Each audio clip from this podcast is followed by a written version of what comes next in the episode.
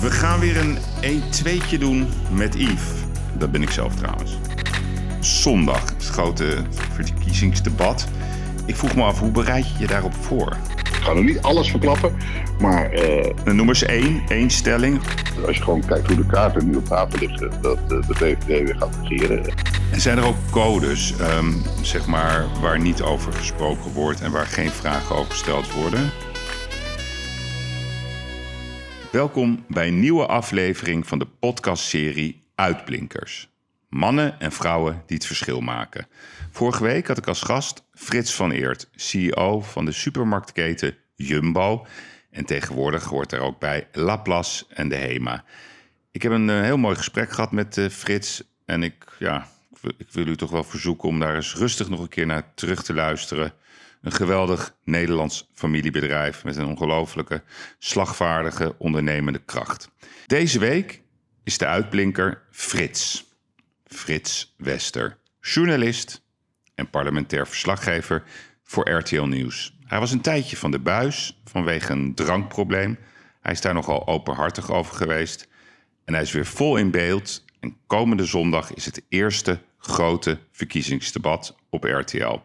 En Frits zal de scheidsrechter zijn van dit debat. Ik ben heel benieuwd hoe de voorbereidingen van een dergelijk debat gaan. Heeft Frits ook voorkeuren? Worden er van tevoren afspraken gemaakt? Zijn de stellingen al bekend? Is er een bepaald doel? En wat vindt Frits überhaupt van de politiek? Tijd om te bellen met Frits Wester. Goedemiddag. Ja, Frits met Yves. Ja. Hi, hallo. Hoi, hoi, hoi. Hoe is het met jou? Uitstekend. Ja? Zeker. Oké, dat is goed. Weet je dat jij, jij hebt zo'n beetje de ideale podcaststem, hè? Zo'n mooie, warme Hoe stem. Oh, is het zo? Ja, hè? Doe je het vaak? Heb je al vaker een podcast gedaan? Of is Ik dit heb wel een paar keer eh, eerder podcast gemaakt, ja. Dat, Ja. eh, gemaakt of ben je ook wel eens aan de andere kant eh, van de tafel? eh, nee, eh, gemaakt iemand die mij dan vragen stelt. En dan dan maken we samen een mooie podcast, ja. Oké, heel goed. hey, ehm, hoe gaat het met jou? Trouwens, ja, ik, ik moet het vragen. Ik denk, doe het maar in het begin. Hoe, weet je, je had toen een, een, een, een, een outcoming bij Jinek. Over, Oh, nee, maar daar gaan, we, daar gaan we het niet meer over hebben, toch? Nee, ik was gewoon meer benieuwd of het goed met je gaat. Dat gaat, dat gaat uitstekend. Ik heb het verhaal één keer verteld en daar laten we het lekker bij. En nu fit als een jonge aard. Oké, heel goed. Dus ja, want je was 20 kilo afgevallen of zo, hè? Zoiets, ja. Op een gegeven moment zeiden mensen tegen mij: joh, je wordt veel te licht, je wordt veel te mager. En eh, wat, eh, je bent nu zoveel aan het sporten. eh, er moet weer ietsje bij. Dus Ja. Anders, ja, anders krijg je mijn leeftijd kop, hè. Ja. Dus, maar, Maar hoe doe, Nee, je, hoe doe dat, jij sporten in corona? Hoe doe je dat? nou, als ik hier in mijn woonkamer kijk, dan liggen hier op de grond liggen twee dumbbells. Er ligt een, ligt een kettlebell.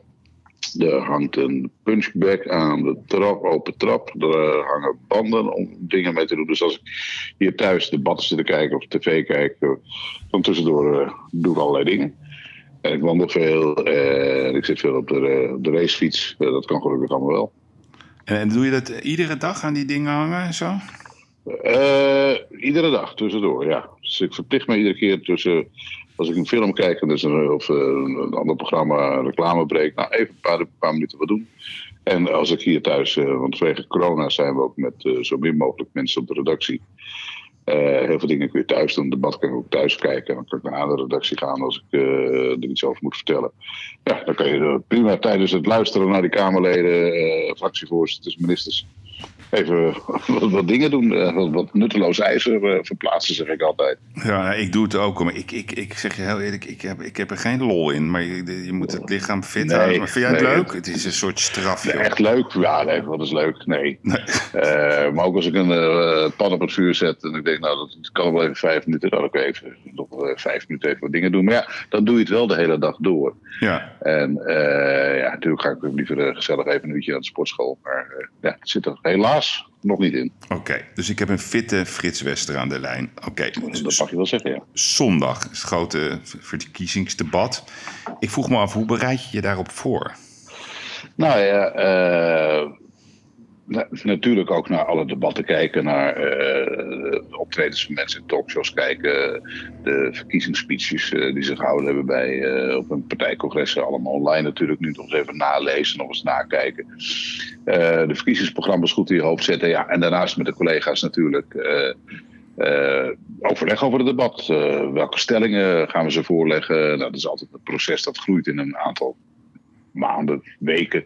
En dan alles komt eigenlijk dan altijd weer op het laatste moment aan. Maar zo bereid je dat samen voor. Je hebt er te veel over. En ik heb mij twee weken geleden nog eens even, ja, toen ging het toch sneeuwen en koud worden. Toen ben ik even lekker naar mijn schip gegaan.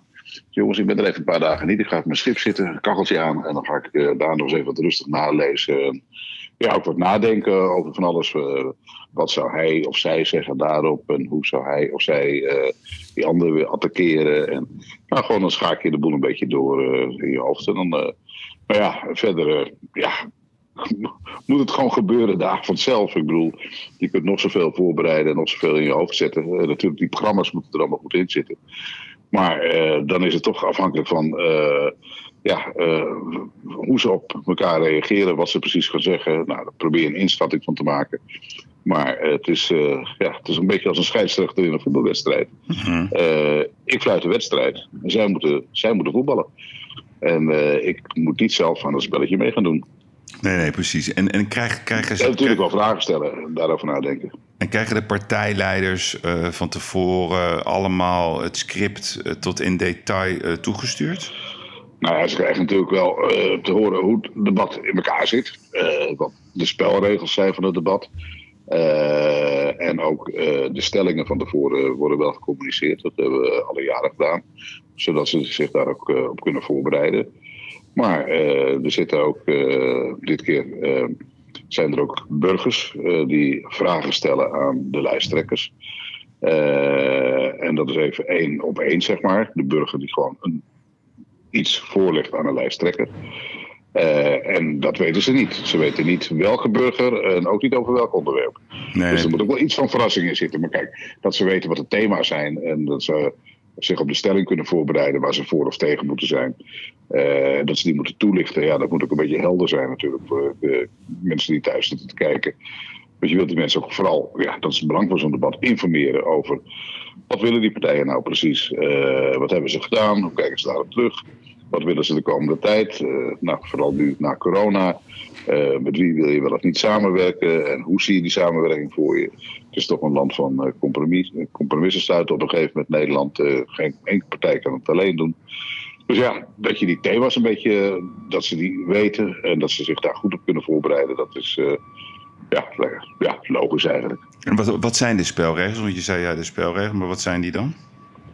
Nou ja, kijk, als de lijsttrekkers, er komt een stelling, die wordt dan ingeleid. Uh, en dan uh, mogen zij uh, toelichten of ze voor of tegen die stelling zijn, over waarom ze daar voor of tegen zijn.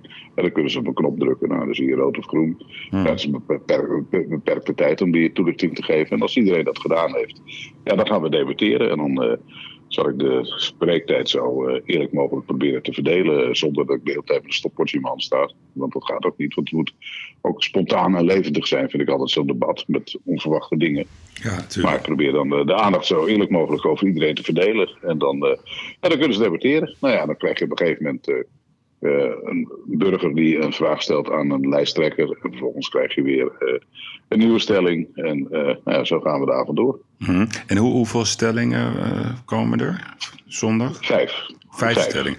En dat is, moet ik dan denken aan klimaat, corona immigratie. De, corona en de, de zorg, uh, de corona, de economie.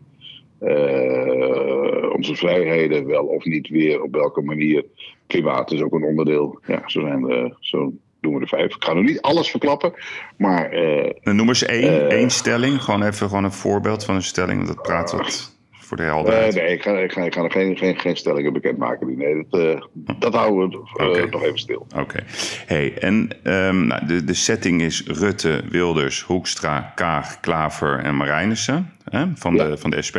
En Ploemen uh, van de traditionele PvdA is afgevallen. Hebben ze nog hun best gedaan om, om Ploemen toch aan boord te krijgen? De nee, PvdA? nee, we hebben van tevoren met alle partijen gecommuniceerd hoe we de afweging zouden maken. En ik geef toe die is altijd arbitrair en die is altijd sneu voor één of meerdere partijen. Kijk, we hebben in het verleden uh, heb ik debatten gedaan bij RTL met twee. Bijvoorbeeld Bos tegen Balken. En die stonden toen samen zo ver op uh, boven de andere partijen, de peilingen. Toen ging het echt over wie wordt de grootste tussen die twee. Toen hebben we een debat met alleen die twee gedaan. We hebben eerder gedaan met Kok en Bolkestein. We hebben debatten met vier gedaan. Ook een keer met zes, daarna iedere keer met vier, een keer met vijf. Nou ja, uh, als je kijkt naar het speelveld nu, uh, vooral op links ligt het allemaal heel dicht bij elkaar. Mm. Uh, Partij van de Arbeid, GroenLinks, SP, D66 ook wel een beetje in die buurt. En dan VVD, PVV en CDA daar wat boven. Ja, debatteren met tien partijen, dat gaat helaas niet in de, de beperkte tijd die je toch hebt. Uh, ja, je kunt dat doen. Maar ja, dan komt iedereen uh, maar zo kort aan het woord dat die kijker er ook niet veel wijzer van wordt. Dus je moet ja, toch zeggen: oké, we doen het met zoveel partijen. Dit is ongeveer het maximale wat haalbaar is. het mooiste is natuurlijk altijd met twee of met vier. Nou, zes kan. Want als we nu met vier hadden gedaan, dan had je zeg maar alleen VVD, PVV, CDA en D66 gehad. Nou ja, dan mis je eigenlijk ook links in dat debat. Nou, is ook niet helemaal de bedoeling. Uh, zeker niet de bedoeling. Dus ja, dan moet je een selectiecriterium hebben. En dat hebben we weer gedaan. En dat wisten de partijen van tevoren. We gaan uit van de, het aantal zetels dat partijen nu in de Tweede Kamer hebben. Daarbij tellen we op de gemiddelde stand in de verschillende peilingen. Dat delen we door twee. Nou ja, dan komt daar een, uh, iets uit, nou, een, een zetelaantal. En die uh, op 14 februari uh, het hoogste stonden, die zes, die mogen meedoen aan het debat. Mm. Ja, de sneu voor de Partij van de Arbeid. Lilian Ploemen natuurlijk, beginnend lijsttrekker. ik wil natuurlijk heel graag, dat snappen we allemaal. Ja, aan de andere kant, als wij, ze begonnen natuurlijk maar, maar op negen zetels nu in de Tweede Kamer, dus een beetje een achterstandspositie. ja, dat hebben ze niet op, op tijd snel genoeg kunnen inhalen. Ja, je moet op een gegeven moment ook duidelijkheid geven. Wie laat je meedoen aan het debat? Partijen moeten zich kunnen voorbereiden. Bij het verleden is ook wel eens de CDA was uitgevallen. GroenLinks is eruit gevallen. Uh, D66 is volgens mij wel een keer niet bij geweest. Dus ja, het is nogmaals, het is altijd arbitrair. Maar ja, nee, met 10, 12 partijen, dat lukt, dat lukt gewoon niet. Dus nee, nee, maar je moet een criterium vaststellen. Het wisten ze van, uh, van tevoren ook allemaal. En daar ja, ze hadden gezegd, oké, uh, we snappen het. Nee, dus met deze jongens en meisjes gaan we het doen. Als je, als je een verwachting mag uitspreken... Uh, kijk, als je de peilingen volgt... Hè, Baudet zei daar wat opmerkelijks over. Hè, die ging bijna Trumpiaan zeggen dat het allemaal niet klopt. De peilingen kloppen niet, de zetelverdelingen kloppen niet, die worden genoemd... Um, wat is jouw persoonlijke inschatting van, van, van de peilingen die er nu zeg maar voor ons liggen? Hè? Dus wat er gezegd wordt. Denk jij dat dat correspondeert met, uh, met het gevoel van Nederland? Denk jij dat het, ja, het allemaal klopt? Kijk, peilingen zijn altijd dagkoersen. Mm -hmm. uh, uh, ik bedoel, het is niet het klimaat. maar, maar het is niet het weerbericht van 17 maart. het zijn dagkoersen. Het, is, het geeft het klimaat op dit moment aan. En uh, ja, ik denk dat als je kijkt naar de trends in de verschillende peilingen, en de ene ja, geeft een iets ander beeld, een iets andere uitkomst dan de ander, want hij heeft een iets ander type panel, een andere methode van peilen. Maar ze geven wel ongeveer allemaal uh, hetzelfde aan in dezelfde bandbreedtes. Dus ja, als ik daar ook alweer aan moet gaan twijfelen. Nogmaals, peilingen nee. zijn geen voorspellingen. Nee, het is nee, niet zo dat de peiling, van, uh, de peiling van Maurice de Hond van gisteren. Uh, dat dat de uitkomst van de verkiezing is. Zo mag je het ook nooit zien. Want er kan in die de komende weken in die campagne natuurlijk nog heel veel gebeuren. Denk aan 2012. De Partij van de Arbeid stond uh, met Diederik Samson als lijsttrekker op iets van, nou wat was het, uh, 11, 12 zetels in de peilingen. Het leek op dat moment, uh, drie, vier weken voor de verkiezingen, een tweestrijd te worden tussen Mark Rutte en Emiel Roemer van de SP.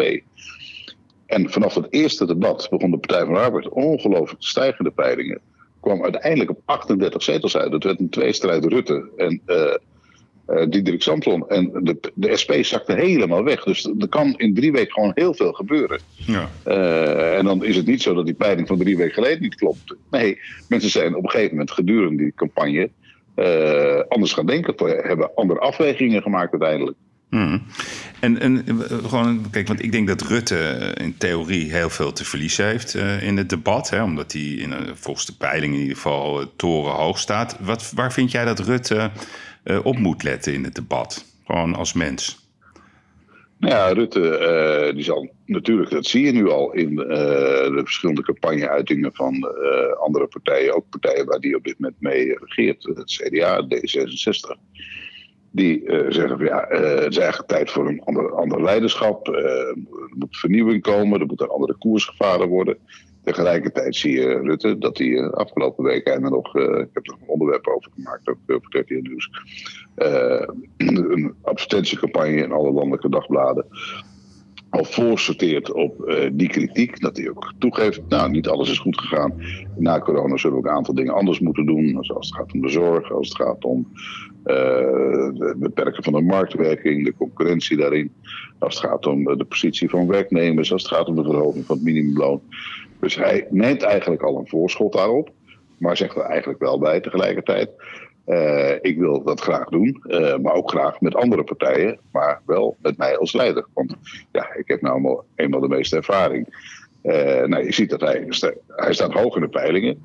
ondanks dingen die er gebeurd zijn, toeslagen, affaire, ja, krijgt hij nog heel veel steun. En je merkt dat ook vaak, dat als er tijden van onzekerheid zijn, neem nu de coronacrisis, dat mensen toch uh, kiezen voor een bepaalde vorm van uh, stabiliteit. Uh, dat zie je niet alleen in Nederland, maar dat zie je ook in het buitenland vaak op dat soort momenten. En daar lijkt Rutte als premier van te profiteren. Nou, daar zullen andere partijen denk ik vooral op aanvallen. Ja, want als, jij, als je kijkt naar de zes personen die hier staan, vind jij Rutte ook van dit groepje de meest geschikte leider voor ons land?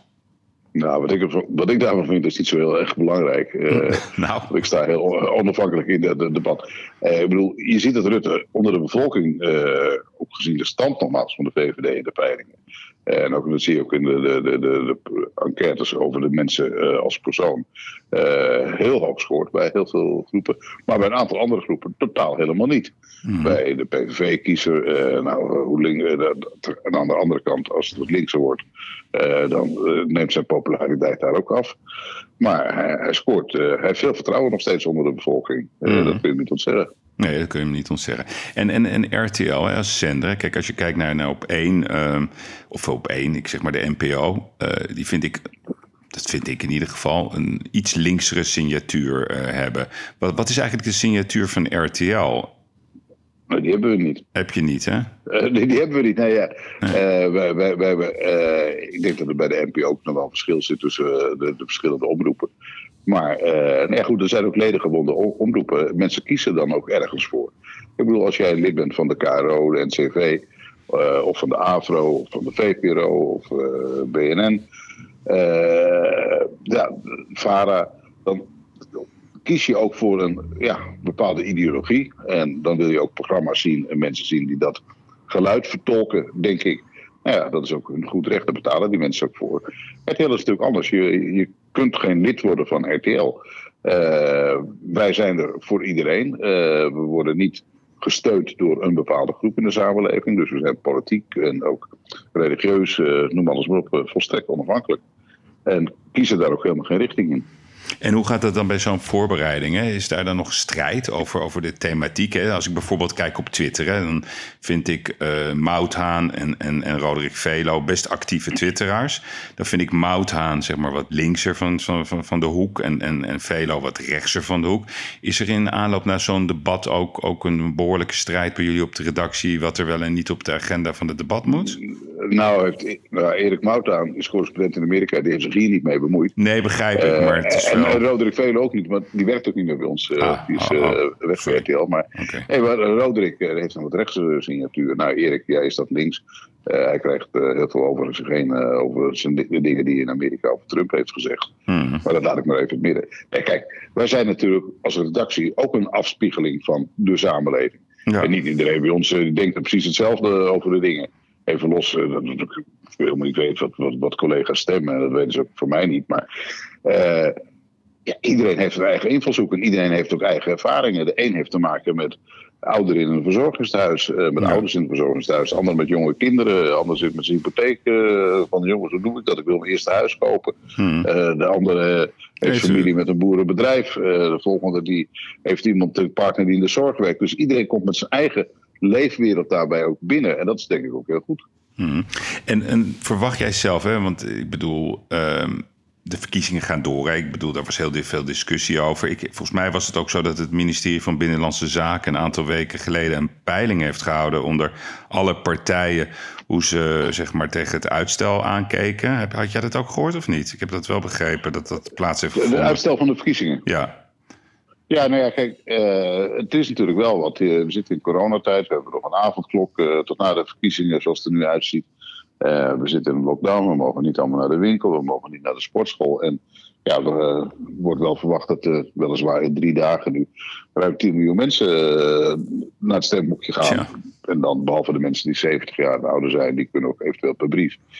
Nou, je mag, je mag wel door drie mensen gemachtigd zijn, dus er zijn tal van mogelijkheden, maar er gaan heel wat mensen de straat op. Dus ja, als die uh, derde golf uh, echt op een hoogtepunt zou zijn, komen, uh, Engelse varianten, Braziliaanse varianten, dan was er best iets voor te zeggen. Van, hoe moeten we dan die verkiezingen wel op die dag gaan houden? en het kan natuurlijk op het laatste moment altijd worden uitgesteld. maar ja, je weet het liever een beetje ruim van tevoren, want gezien alle voorbereidingen, mensen die de stemlokalen moeten bemensen. Maar daar hoor je nu geen geluiden over dat dat, dat speelt. Nee, nee, het is wel een scenario wat natuurlijk wel in de kast klaar ligt voor het geval dat. Ja. Uh, dan moet dat wel kunnen, maar uh, vooralsnog wil iedereen dat de verkiezingen de 17e maart in de twee dagen ervoor uh, gewoon doorgaan. Ja, en als je kijkt naar het lek, hè, er wordt altijd, zeg maar, in aanloop naar de verkiezingen komt er best altijd het nodige dirt. Hè? Naar boven. Je zag het nu met Dion Graus, nou, uh, dat hij dat een relatie, eh, dat hij zijn vrouw uitleende aan beveiligers. Een beetje een ranzig verhaal. Nou, ik verwacht dat we de komende weken nog meer ranzige verhalen op ons af gaan krijgen. Hoe werkt lek eigenlijk? Hoe werkt dat? Nou ik weet niet of dit verhaal over Dion Graus, of dat nou echt ingegeven is door het momentum van de verkiezingen. Want er waren natuurlijk al eerder verhalen over geweest, even los van waarheidsgehalte van die timing, En de timing is een niveau Timing, ja, ik, ik, ik weet niet of dat dan bewust door de redactie getimed is. Nou, dat doen we dan vier weken van tevoren. Geen idee. Het kan zijn dat de mensen die dat aanleveren wel een soort timing in hun hoofd hebben. Van, nou, dat is leuk om dat op dit moment te doen. Uh, ja. Maar hoe werkt lekker? Van, uh, ja, lekker. Nou, er zijn lekker in honderdduizend varianten natuurlijk. Even, uh, dit, dit vind ik dan weer niet echt een lek. Lekker vind ik nog meer uit stukken of, of, uit vergaderingen. Uh, dat, dat er van tevoren al iets naar buiten toe komt. Ja, je hebt lekker. Uh, er zijn mensen die, uh, die iets vertellen omdat ze willen laten zien dat ze betrokken zijn bij iets. en dat ze daarom dus onderdeel zijn van het grote proces en dus belangrijk zijn. dat is een soort eigen borstklopperij. Uh, dan moet je altijd heel goed naar kijken van is het echt nieuwswaardig, hoe zit het precies in elkaar. Er zijn lekker die zijn uh, strategisch. Iemand die wil uh, het eigen verhaal wat mooier maken dan het van een ander. Er zijn lekker van mensen die gewoon vinden, nou dit zou je gewoon moeten weten. Ik vind het belangrijk dat je dit weet. Of ik vind het leuk als jij dat weet. er zijn zoveel manieren van lekker. Er zijn ook toevallige lekken. dat was vooral vroeger dat iemand een stuk voor je kopieerde. Ja, dan was er net iets per te veel gekopieerd. En ja, het was dan toevallig. Het nietje zat uh, door iets te veel stukken heen. Nou, dat is zeg maar de klungel. Dus, nou ja, dat is meer een per ongeluk lek. Er hmm. zijn strategische lekken. Het ministerie A wil graag uh, een bepaalde maatregelen doorhebben. Het ministerie B zegt van ja, dat vinden wij eigenlijk niet zo heel verstandig en komt ons niet goed uit. Dus ja, dan wordt het in het voorstadium gelekt, zodat er ook commentaar op komt. Uh, nou, dat zijn meer de strategische lekken. Uh, en natuurlijk in campagnetijd zijn er ook ja, uh, worden verhalen eh, over het eigen functioneren en eigen rol wat mooier gemaakt dan die van de tegenstander. Ja. Hmm. Maar dan moet je wel een beetje, een beetje erheen prikken. En als dingen waar zijn, dan zijn ze gewoon waar. Ja. En dan heb je natuurlijk ook, en dan heb je daarnaast nog weer de klokkenluiders, zeg maar. Mensen die uh, dingen aan de kaak stellen die in hun ogen niet deugen. Hmm. Nou, denk daarbij aan de hele toeslagenaffaire. Ja, maar bijvoorbeeld als je kijkt naar, naar de miljoenennota. Hè, volgens mij is RTL, nou ik weet het niet uit mijn hoofd hoor, maar in de meeste gevallen zijn jullie altijd de eerste die de miljoenennota heeft. Ja. Is dat dan, ja, ik, je hoeft, ik weet dat je dat niet, natuurlijk niet precies kan zeggen, maar komt dat dan vanuit de ambtenarij of komt dat uit de, vanuit de hoek van de politici? Ik, dat, oh, ja, ik zeg altijd, dat ben ik altijd vergeten. Uh, meteen daarna. ja. en, en, en het komt, eh, het is ook niet iedere keer, is, nee, dat kan ook niet, want mensen wisselen ook allemaal. Het is lang niet altijd dezelfde bron geweest. Uh, het is ook niet altijd bij mij terechtgekomen, ook bij collega's. Soms zijn het de kerncijfers, uh, soms de macro-economische verkenningen, soms al een tabelletje al. kijk, de eerste keer dat het gebeurde, nou, toen ik het had, geloof 2003 of zo, hmm. was dat heel bijzonder.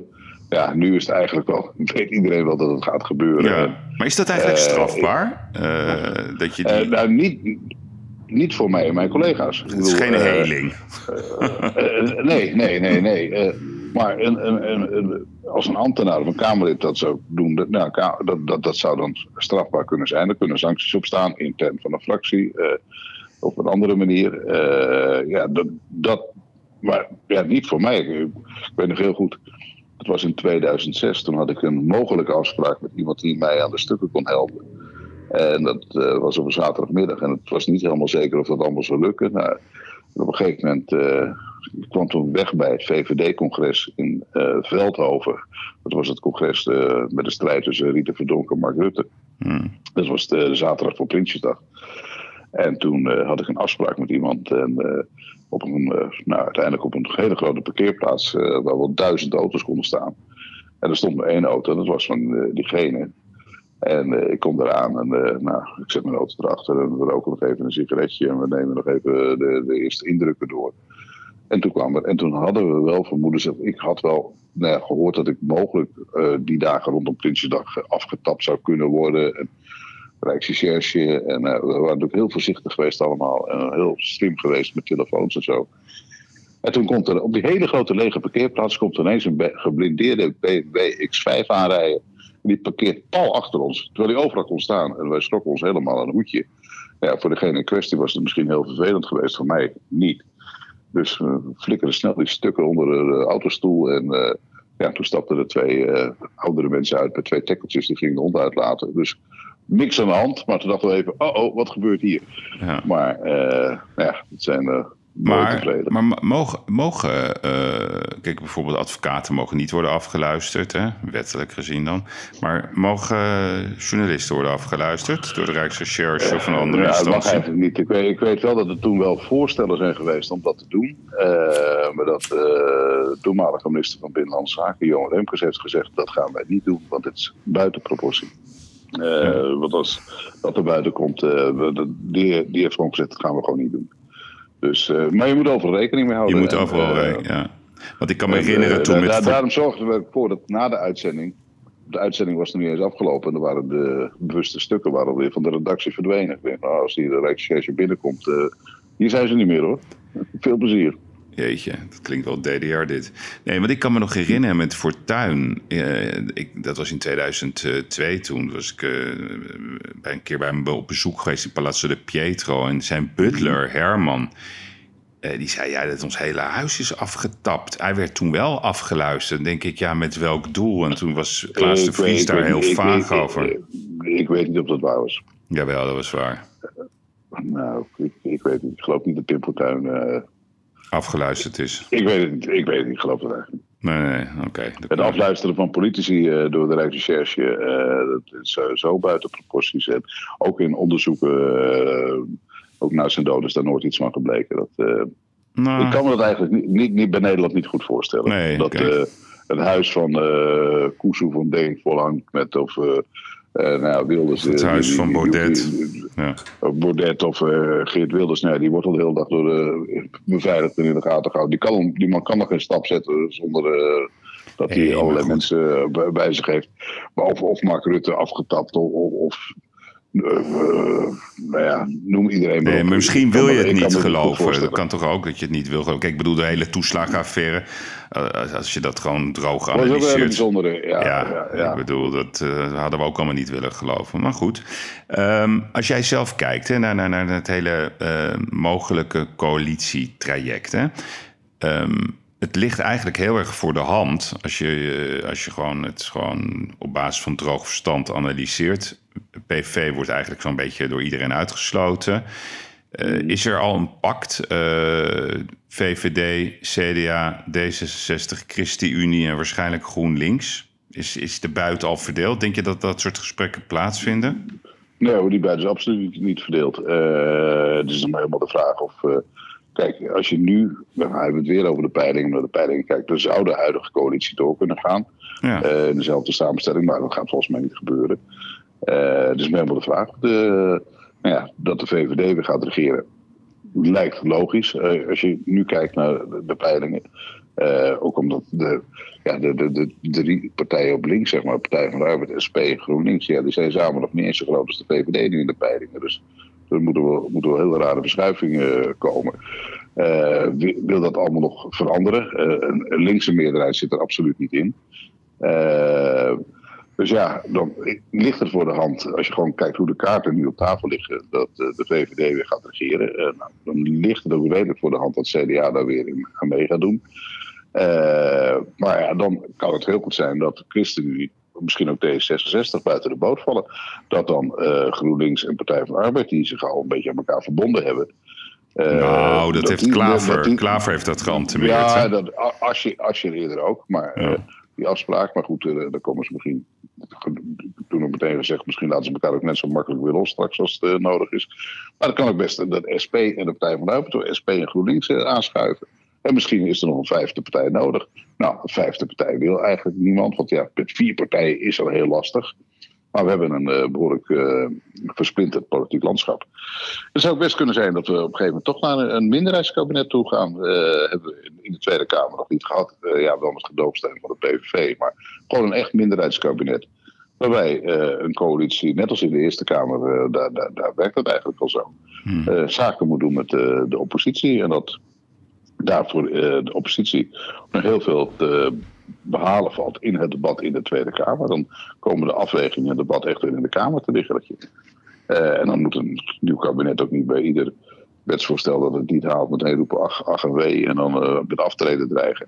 Nee, dan maak je wel gewoon een nieuw voorstel en dan ga je weer onderhandelen. En uh, en de oppositiepartijen zullen er ook niet meteen iedere keer klaar moeten staan om het hele kabinet weg te sturen. Hmm. Ja, maar, maar, zo verantwoordelijk zijn de meeste partijen in Nederland ook wel dat ze dat niet op voorhand zullen doen. Maar die zullen ook zien dat ze dan via het debat in de Kamer heel veel binnen kunnen halen als er een minderheidskabinet zit.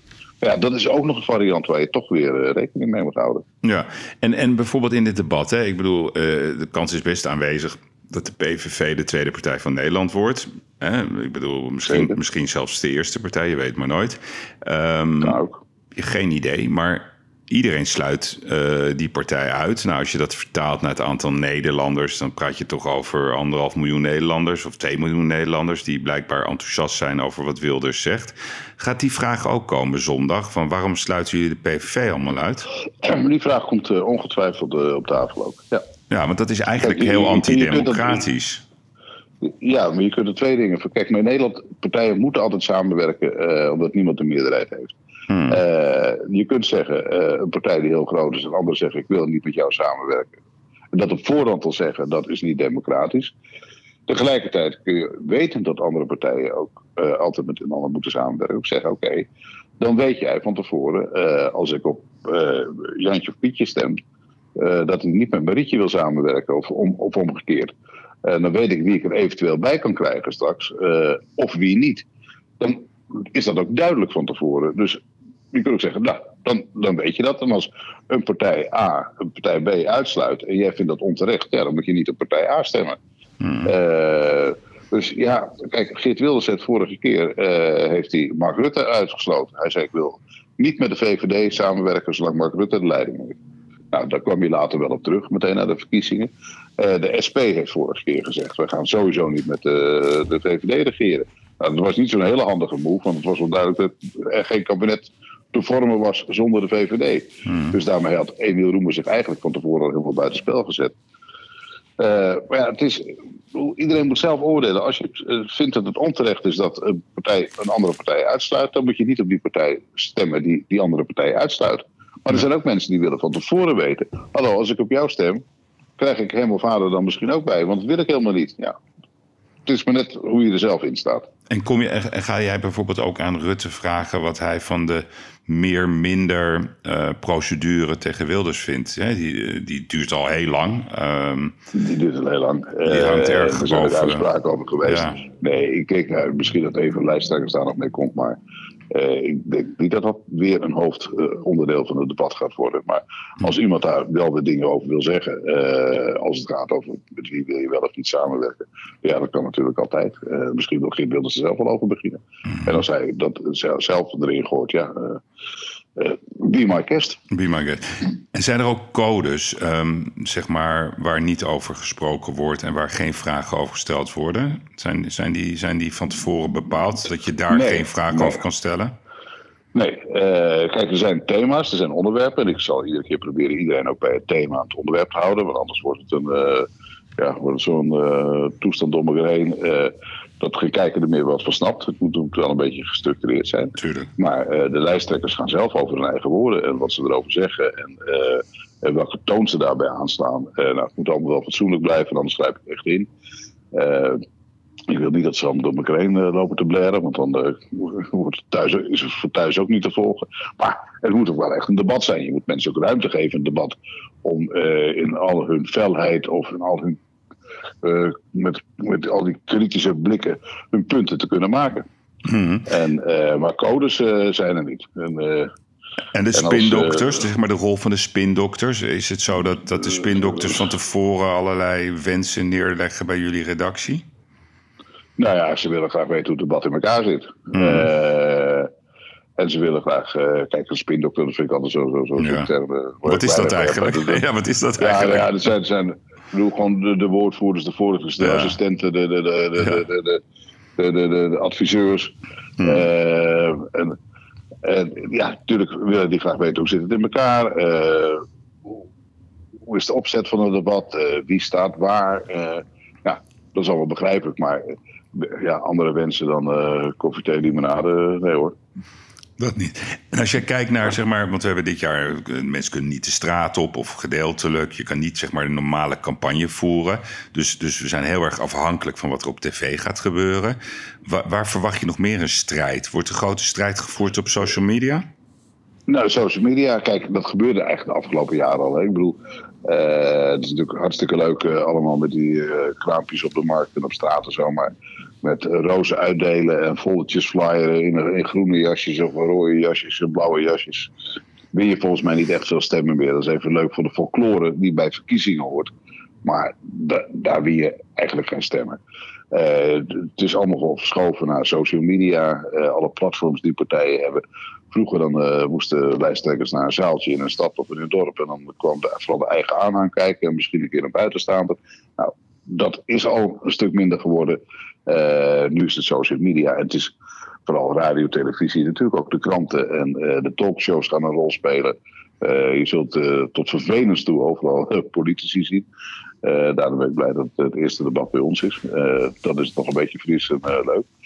Maar ja, iedereen wil overal optreden. En, en social media, ja, natuurlijk wordt dat uh, heel belangrijk. en daar zit natuurlijk ook weer een gevaar in, hè, met nepnieuws en fake accounts en weet ik wat allemaal. Mm -hmm. dingen waar ik geen verstand van heb. Maar ja, en de partijen zullen natuurlijk op die manier hun, hun achterban en ook hun potentiële achterban heel gericht proberen op te zoeken. Want als je kijkt, je gaf zelf net aan, je gaat een aantal thema's behandelen. En ik denk zelf dat het coronabeleid toch wel het hoofdthema is, wat waarschijnlijk het, als het meest belangrijk wordt ervaren. Ja, en dat, dat, heeft natuurlijk ook heel veel facetten, het coronabeleid. Je hebt het uh, over uh, de capaciteit in de zorg, je hebt het over uh, de economie. denk aan de horeca, denk aan de detailhandel, denk aan de contactberoepen, noem alles maar op. thuiswerken, denk aan mensen met kinderen, denk aan het onderwijs. er zijn natuurlijk heel veel dingen nu samengevallen met corona. En, dan heb je het misschien niet iedere keer over corona als zodanig van hoe, bestrijden wij dat virus.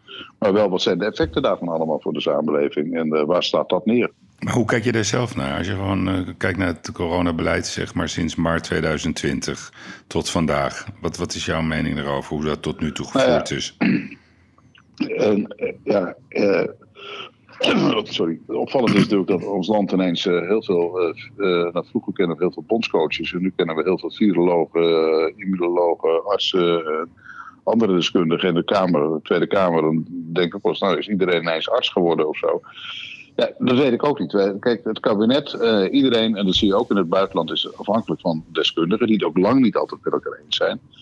Uh, ja, die moeten daar een beleid op zien af te stemmen. En ja, de een zegt het is veel te streng allemaal. Kijk nou eens naar de ondernemers. Ja, de ander zegt ja, hallo, eens kijken hoeveel geld daar wel naartoe gaat. er gaan tientallen miljarden worden nu uitgetrokken om ondernemers overeind te houden. Nou, er zijn ondernemers die zeggen, ja, dat is toch eigenlijk veel te weinig. Uh, voor mijn geval, uh, nou, de horeca is natuurlijk een drama. Ook winkeltjes uh, die ik overheen zie omvallen, schoonheidssalons. Het, is, het is verschrikkelijk allemaal. Maar dat coronavirus is niemand schuld. We, we, hebben nu met die aanpak te maken. En dan gaan er dingen fout. We zijn te, laat met testen of te laat met vaccineren. Nou, dat zijn we nu allemaal aan het inhalen. Omdat een bepaald vaccin niet op tijd beschikbaar was in de, de gewenste hoeveelheden. Ja, dan denk ik, zou, het beleid nou zo heel veel anders zijn geweest als de andere personen hadden gezeten? Ik denk dat dat niet zo heel veel zou verschillen. Uh, met alle kritiek die het altijd wel op moet hebben. En ook met nieuwe ideeën of andere ideeën om dingen bij te sturen. Maar uh, ja, ik denk dat dit kabinet in Nederland, net als de, regering in Duitsland of in België of in Frankrijk of in Spanje, toch het maximale doet om ja, het virus zo goed mogelijk onder de duim te krijgen. En uh, met zo min mogelijk uh, schade voor de hele samenleving. Maar dat er schade is en dat we die leiden, ja, dat is uh, evident. En ook emotionele schade. Kijk naar jongeren, kijk naar ouderen die niet bezocht kunnen worden. Ja, nee, maar ik bedoel, kijk, je hebt 295.000 studenten die, die, die al niet, ik weet niet hoe lang niet naar de universiteit mogen. Anderhalf ja. miljoen kinderen, 86.000 winkels, 65.000 horecazaken, et cetera, et cetera. Ik denk dat dat een factor van belang gaat worden. Want je, je, je, gaat de pijn, je, gaat, je gaat de pijn vaak pas voelen als je opeens onderdeel wordt van die pijn. En je merkt nu, ik merk het in ieder geval, dat er een enorm groot verzet uh, aan de gang is. Dat mensen echt helemaal klaar zijn met dat beleid ja, in, mensen, uh, ja, in Den nou, mensen zijn er ja. klaar mee. Veel grotere zijn er klaar, klaar, mee. Het begint steeds meer te, te dringen. Ja. Maar ja, dan moet, je, dan moet je zeggen met z'n allen. En misschien gaan we het in het debat daar ook wel over hebben. Jongens, accepteer dat een aantal mensen gewoon doodgaan dat we gewoon op de ziekenhuisafdelingen, dat we mensen die uh, uh, zware obesitas hebben, zwaar onderliggende kwalen hebben, ga naar huis als je geneest fijn, uh, maar we gaan je niet meer opnemen, want dan kunnen we die druk niet aan. Want omdat we die druk willen voorkomen, moeten we zoveel andere mensen nou, sluiten, scholen, je zei het al, horecagelegenheden, winkels. We accepteren het gewoon. Nee, maar, maar, maar Frits, maar, even, maar, nee, maar in alle eerlijkheid, hè? Nee, maar wacht even, dit is echt ja. heel relevant dit. Kijk, roken, ik rook. Nou, dat zijn gewoon hele simpele statistiekjes. Ik, weet, ik geloof uit mijn hoofd gaan er volgens mij 20 tot 30.000 mensen per jaar dood aan roken. Dat wordt wel al 10, 15 jaar blind geaccepteerd dat dat wel kan. Dus, ja. dus in dat opzicht is de hypocriete stelling van ja, gezondheid, gezondheid, gezondheid, is gewoon niet juist. Want dat accepteren we wel. En die begrijp ik dan niet. Ja, maar goed, dat wil niet zeggen dat alle rokers alle IC-bedden, ik ook zelf ook, maar alle IC-bedden bezetten. Maar kijk, dat zijn keuzes die je moet maken als samenleving. Want wil je dat? Wil je aan de andere kant voorkomen dat open besmet worden en op die IC terechtkomen waar ze waarschijnlijk als een wrak van afkomen? Dan moet je met elkaar bepaalde regels in acht nemen en wachten tot we dat vaccin hebben en allemaal gevaccineerd zijn. En dan kan er weer meer. Ja, en als je daar voor iedereen is het pijnlijk en narig vervelend. Maar als je daar niet op wilt wachten, dan moet je die andere consequentie aanvaarden van meer besmettingen. En dat de zorg het niet meer aan kan. En dat je mensen dus niet meer kan helpen op de manier die je wilt helpen. En dat betekent dat die moeder, die nog heel veel overlevingskansen heeft met die tumor van 37, dat die voorlopig niet in het ziekenhuis geholpen kan worden. Nee, oké, okay, maar kijk, dat. Dus ja, dat zijn de, nee, zijn de afwegingen. Ja. En, en, en, en, daarvoor, om dat soort situaties te voorkomen, worden al die maatregelen genomen. Waar je alles op af kunt dingen en uh, of goed kunt vinden. En, uh, om dat, dat aantal besmettingen terug te brengen. En als je die, ja, dat met z'n allen niet accepteert, ja, dan, dan lopen die besmettingen dus op. Met al die andere gevolgen van die. Ja, dat zijn de keuzes die gemaakt moeten worden. Maar ik zie in de. Nogmaals, ik proef ook dat iedereen is er klaar mee. Maar tegelijkertijd nog steeds heel veel steun voor al die maatregelen. Kijk maar eens hoe mensen reageren in de winkel als iemand zonder mondkapje binnenkomt.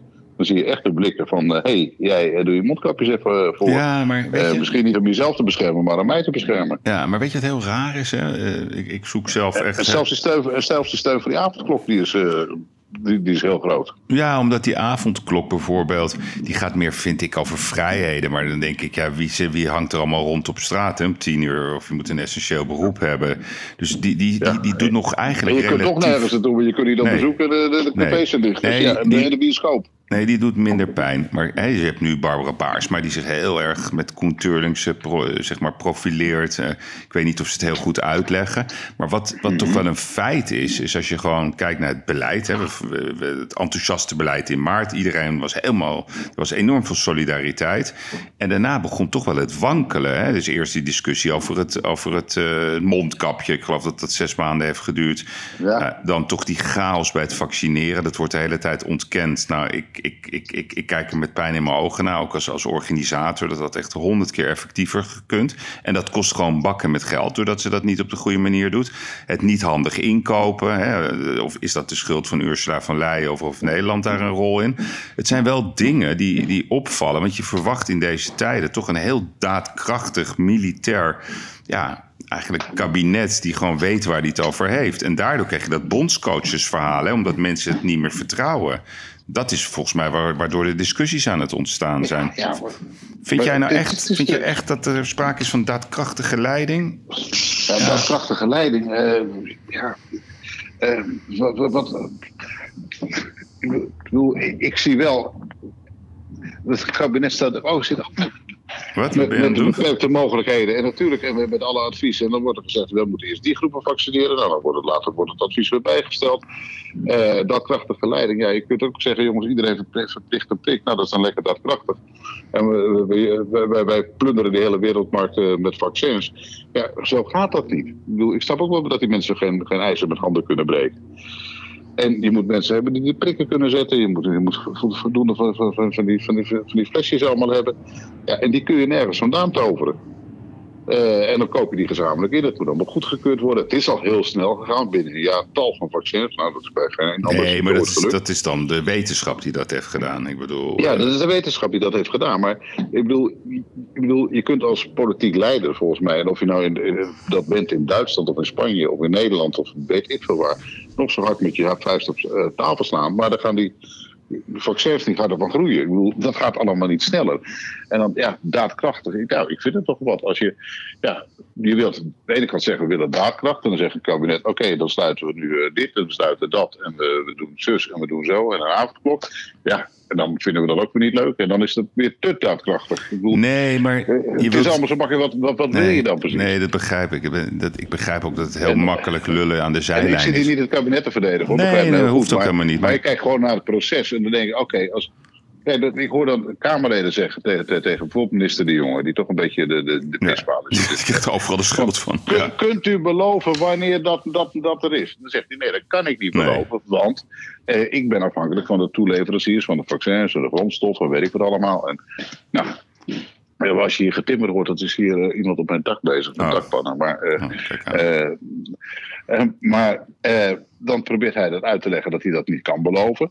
En vervolgens zegt hij van nou, ik ga ervan uit dat we dat en dat en dat dan wel hebben. Nou, dat blijkt er niet te lukken. En dan is het weer. U heeft gezegd dat het dan en dan allemaal. Het is natuurlijk ook van 2-1 en het, is ook lastig iedere keer. En, uh, nee, maar ik denk dat uh, als je de hele oppositie op diezelfde stoel had neergezet, dan had je waarschijnlijk hetzelfde bedoel gehad. Met alle onvolkomenheden die in zo'n proces, proces zitten. Want niemand heeft het op deze manier eerder meegemaakt. Daar ben ik het mee eens. Maar ik, ik, ik wil namelijk een stelling toevoegen zeg maar, aan het debat. Kijk, dat poldermodel, hè, wat, wat ons heel lang best wel veel plezier heeft gedaan. Hè? Ik bedoel, zolang ik besta. En zit je ook lekker te roken, Frits?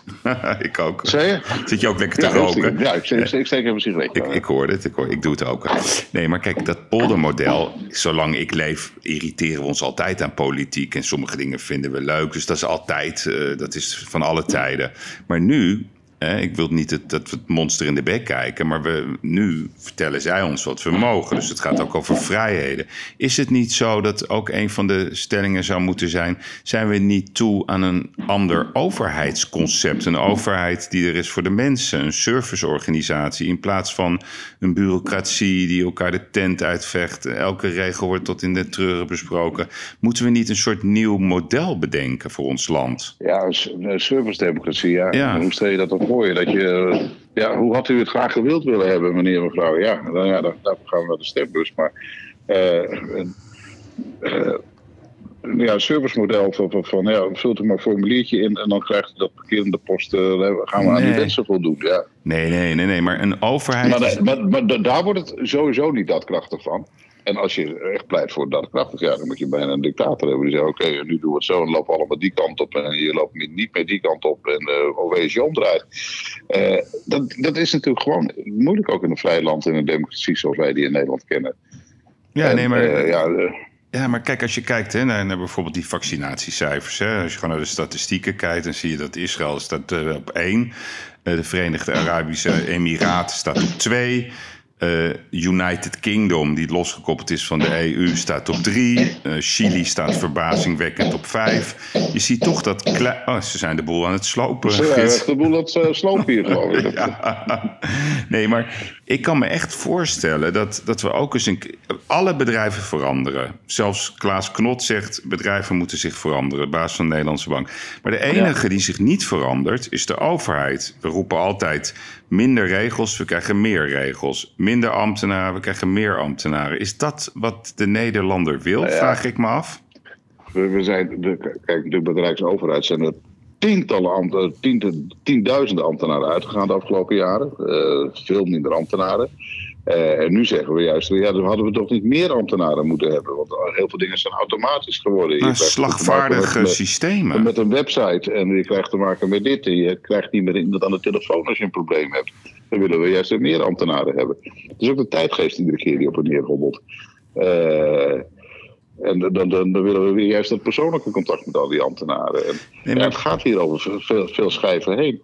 Ja, maar wat, uh, wat, mij verbaast, hè, Frits, dat meen ik serieus, dat zeg ik gewoon als persoon.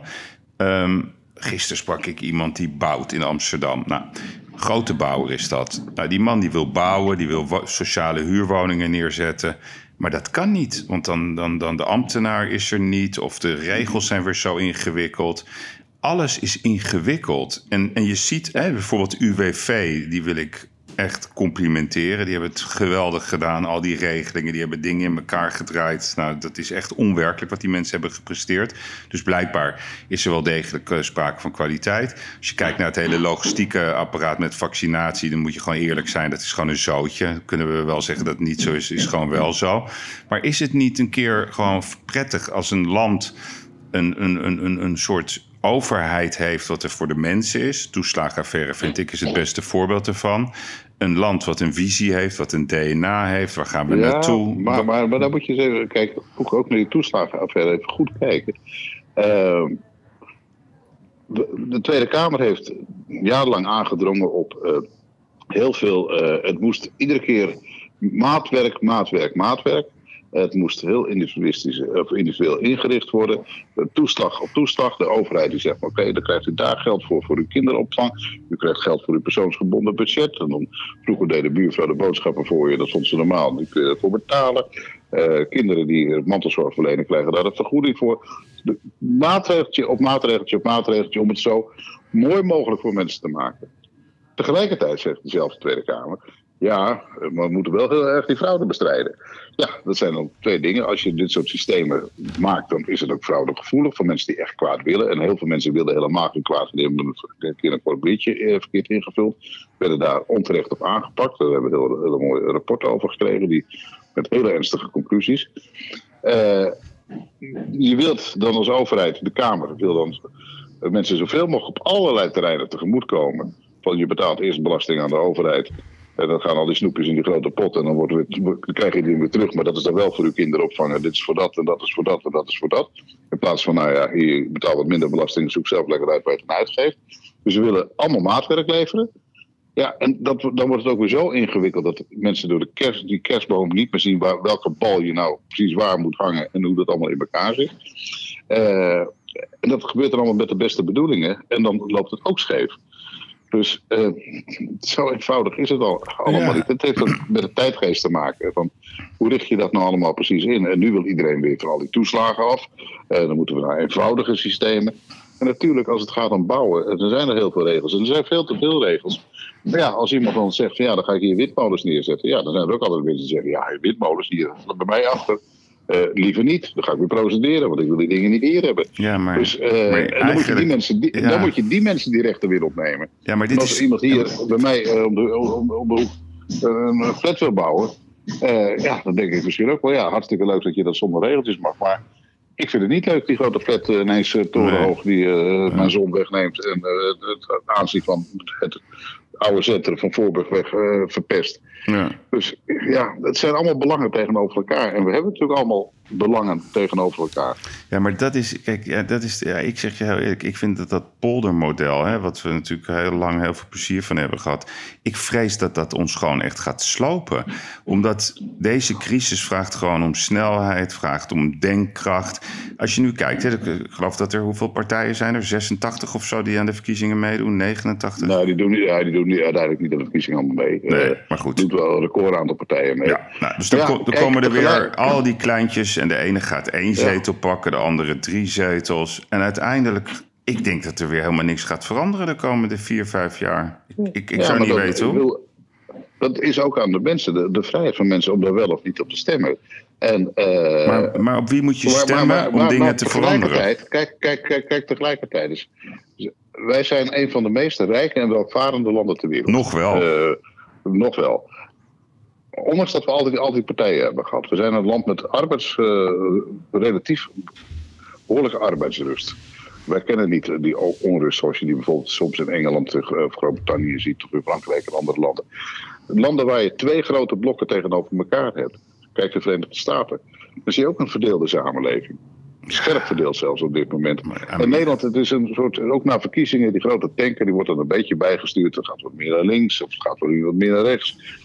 Per saldo verandert er niet zoveel. En dat heeft ons wel heel veel welvaart gebracht en heel veel stabiliteit gebracht. Omdat we er altijd wel van overtuigd zijn in Nederland. Uiteindelijk moet je het toch gewoon samen doen. En dan kom je er ook samen uiteindelijk wel uit. En eh, ik denk dat ze hier in Nederland nog maar twee grote partijen had die, die, die lijnrecht tegenover elkaar stonden. Dan heb je ook een samenleving die in twee grote blokken tegenover elkaar staat. En nu is dat verdeeld. En als mensen zeggen, nou ik wil graag op de Partij voor de Dieren stemmen, of de SGP, of de ChristenUnie, of D66, of Liberalen, of juist de SP. eh, dat kan in dit land allemaal. En, eh, dat is ook een groot goed. Ja, nee, dat begrijp ik. Maar wat ik in ieder geval proef, laat ik het zo zeggen. En ik, eh, ik, ik zeg dat ik daar echt heel veel mensen over spreek. Ik merk het ook op de verschillende platformen. Mensen worden helemaal krankzinnig, krankzinnig van die overregulering van dit land. Het lijkt wel of er niks meer besloten kan worden zonder dat er werkelijk waar, ik weet niet hoeveel mensen hun plasje over hoeven te doen. Je ziet dat de regering wel degelijk snel en effectief is. Kijk naar, naar zeg maar de avondklokwet. Hè, dat is natuurlijk krankzinnig eh, dat ze niet goed hadden opgelet. Maar in een, in een nacht wordt, er wordt er een nieuwe wet in elkaar getimmerd. Kijk naar het voorbeeld van het UWV. Nou ja, dat, maar daar heb, je, daar, daar, daar heb je ook weer zoiets. Kijk, de hele Kamer heeft hem ingestemd om het op de manier te doen zoals het kabinet het heeft gedaan. Niet de hele Kamer, maar de meerderheid van de Kamer. Ja. Heel veel staatsrechtgeleerden zeggen, de kabinet heeft het keurig netjes gedaan. En zelfs nog voorgelegd aan de Tweede Kamer. Hadden ze niet eens hoeven doen. En anderen denken er anders over. Het moet ook kunnen. En die ene rechter heeft er ook anders over gedacht. Die zei van nou, op deze manier had je het niet moeten doen. Ja, dan, maar je moet het op een andere manier doen met een andere wet. Nou, die andere wet is er dan inderdaad met stoom en kokend water gekomen. Hmm. Maar ja, dan zijn er ook weer twintig meningen tegenover elkaar. En zet echt zet vijf economen hier bij mij in de huiskamer. Je hebt vijf verschillende meningen hoe je de boel moet oplossen. Zet je vijf juristen bij elkaar. Je hebt vijf verschillende meningen hoe je het juridisch moet oplossen. En we komen er ook altijd uiteindelijk wel uit met z'n allen. En dat is ook het mooie. Ja, of je moet iemand hebben die zegt, sla met de vuist op tafel. En eh, wat jullie er allemaal vinden, interesseert me niet. Ik doe het gewoon zo. Ja. Ja, dan heb je ook de halve samenleving tegen je. Daar, daar zitten we toch ook niet op te wachten. Nee, dus eigenlijk zeg jij, we zijn gewoon veroordeeld tot ons eigen systeem, tot het klapt. tot ons, ons systeem. En als je dan kijkt naar de onderzoeken, dan zijn wij eh, eh, collectief toch een heel blij volkje. Misschien dat de Denen, de Noorden, de Zweden ook net iets blijer zijn dan wij. En daarna zijn wij de meest blije mensen in Europa. Ja, en, ja, Eh, en- ja. no- en nogmaals, er zijn mensen die hebben, het- hebben het ook echt hartstikke beroerd in Nederland. Hoor. Dat moet je ook nooit ontkennen. Eh, die die, die, die eh, eh, aangewezen zijn op voedselbank en andere dingen. Eh, daar moet je ogen ook nooit voor sluiten. Maar per saldo zijn we toch een heel relatief, heel blij, vrolijk volkje met z'n allen. Ja, maar dat, dat zeggen ook de mensen die de pijn niet voelen. Hè? Dus ik, ik, ik merk echt dat er een ongelofelijke stille pijn is. Eh, vooral Is er ook, onder, onder ondernemend Nederland. En laten we wel even duidelijk zijn.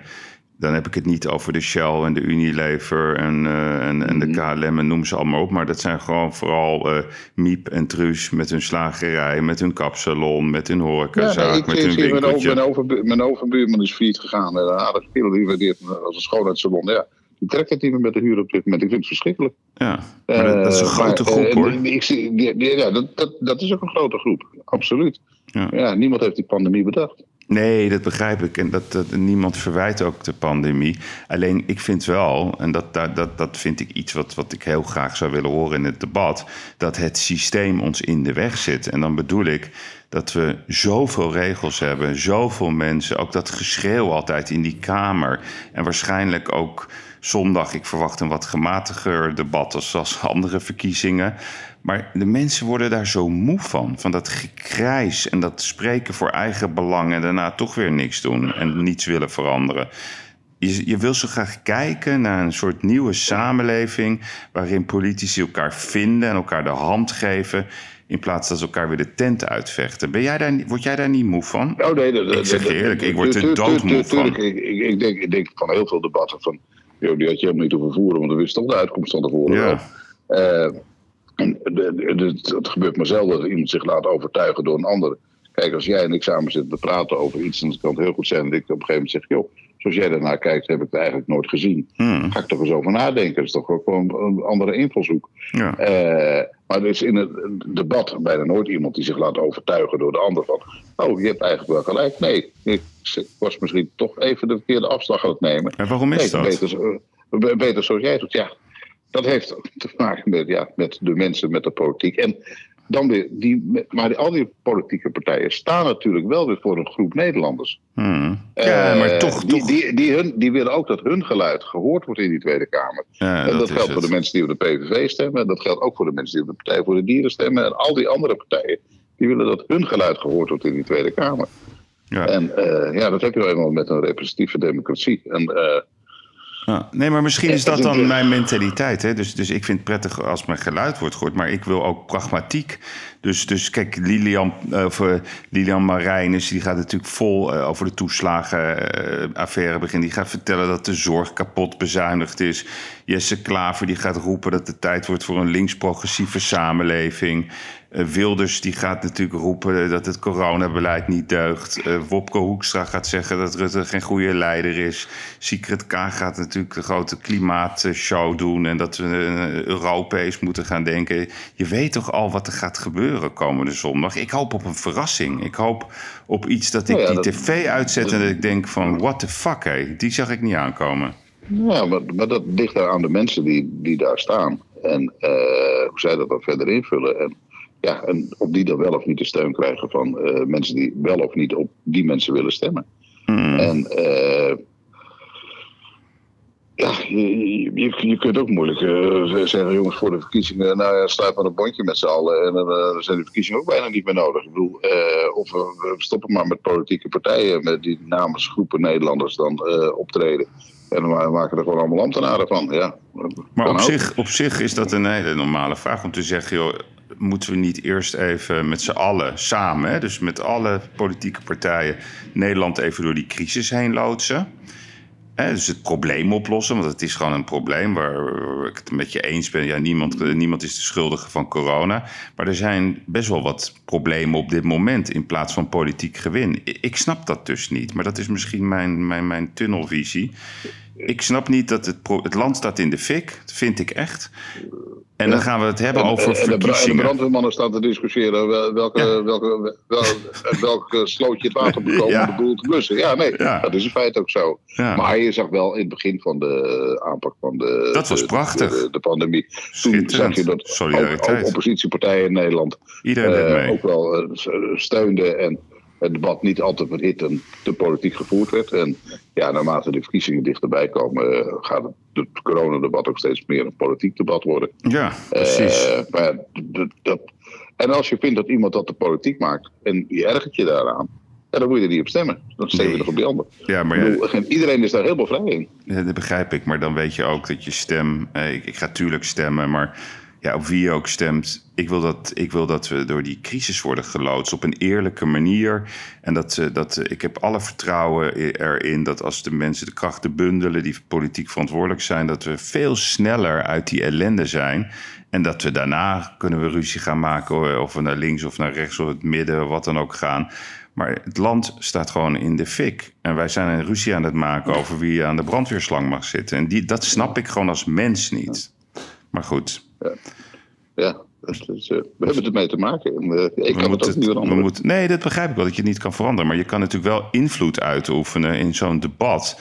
Om dat principe heel ja, heel diep te duiden van ja, is dit niet krankzinnig wat we hier aan het doen zijn? Want ja, zij voelen de pijn niet, hè, in alle eerlijkheid. Ik bedoel, zij doen hun werk, ze worden daarvoor betaald. Alleen die pijn bij de mensen op straat, die voelen die pijn wel. Die moeten hun huizen uit. Die, nou, ja, maar, maar, Frits, ja, maar, maar, maar ik vind dat te makkelijk, want ik vind het te makkelijk, want er zijn ook politici, en dan kun je wel zeggen, natuurlijk, zij krijgen maandelijkse salaris overgemaakt. Maar die hebben ook ouders in de verzorgingshuis die, die ze niet kunnen bezoeken. Die hebben ook kinderen die uh, tegen de muren oplopen thuis. Uh, die, andere die, pijn. Die hebben, uh, die andere maar die hebben ook broers en zusters die een andere baan hebben of geen baan meer hebben. Mm. Of een bedrijf hebben of geen bedrijf meer hebben. Okay. en ik vind het te makkelijk om dan te zeggen van, ja, zij krijgen hun salaris overgemaakt. En, nou. en daardoor voelen ze de pijn niet en hebben ze er helemaal geen last van. Ja. Uh, zo is het niet. Nee, ik begrijp het. Kijk, je moet ook uh, best wel een aparte levensinstelling hebben om de politiek in te gaan. Ik bedoel, dat gaat echt niet om het geld, dat begrijp ik ook. Want ik zeg altijd, de rechtsback, van Heracles verdient meer als de minister-president. Die, die, verdient, ja. die, die verdient meer uh, nee, dan, snap ik. Uh, veel meer dan een Kamerlid. Ja. En uh, dus, en, ik, ja, dat, ja.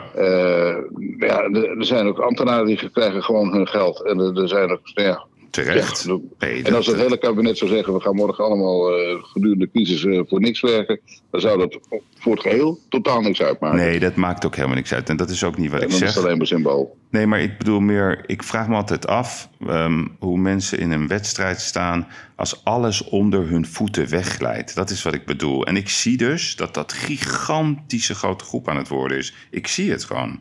Ja, nee, dat, dat, is ook zo. En het is niet, dat zijn niet 10.000 mensen. Dat zijn nee, meer dat, dan een miljoen mensen. Dat zijn miljoenen mensen, durf ik zelfs te ja, zeggen. Maar dat, dat, dat, dat, is absoluut waar. Het is alleen nog niet zichtbaar. Omdat we natuurlijk de subsidiekraan hebben opengezet.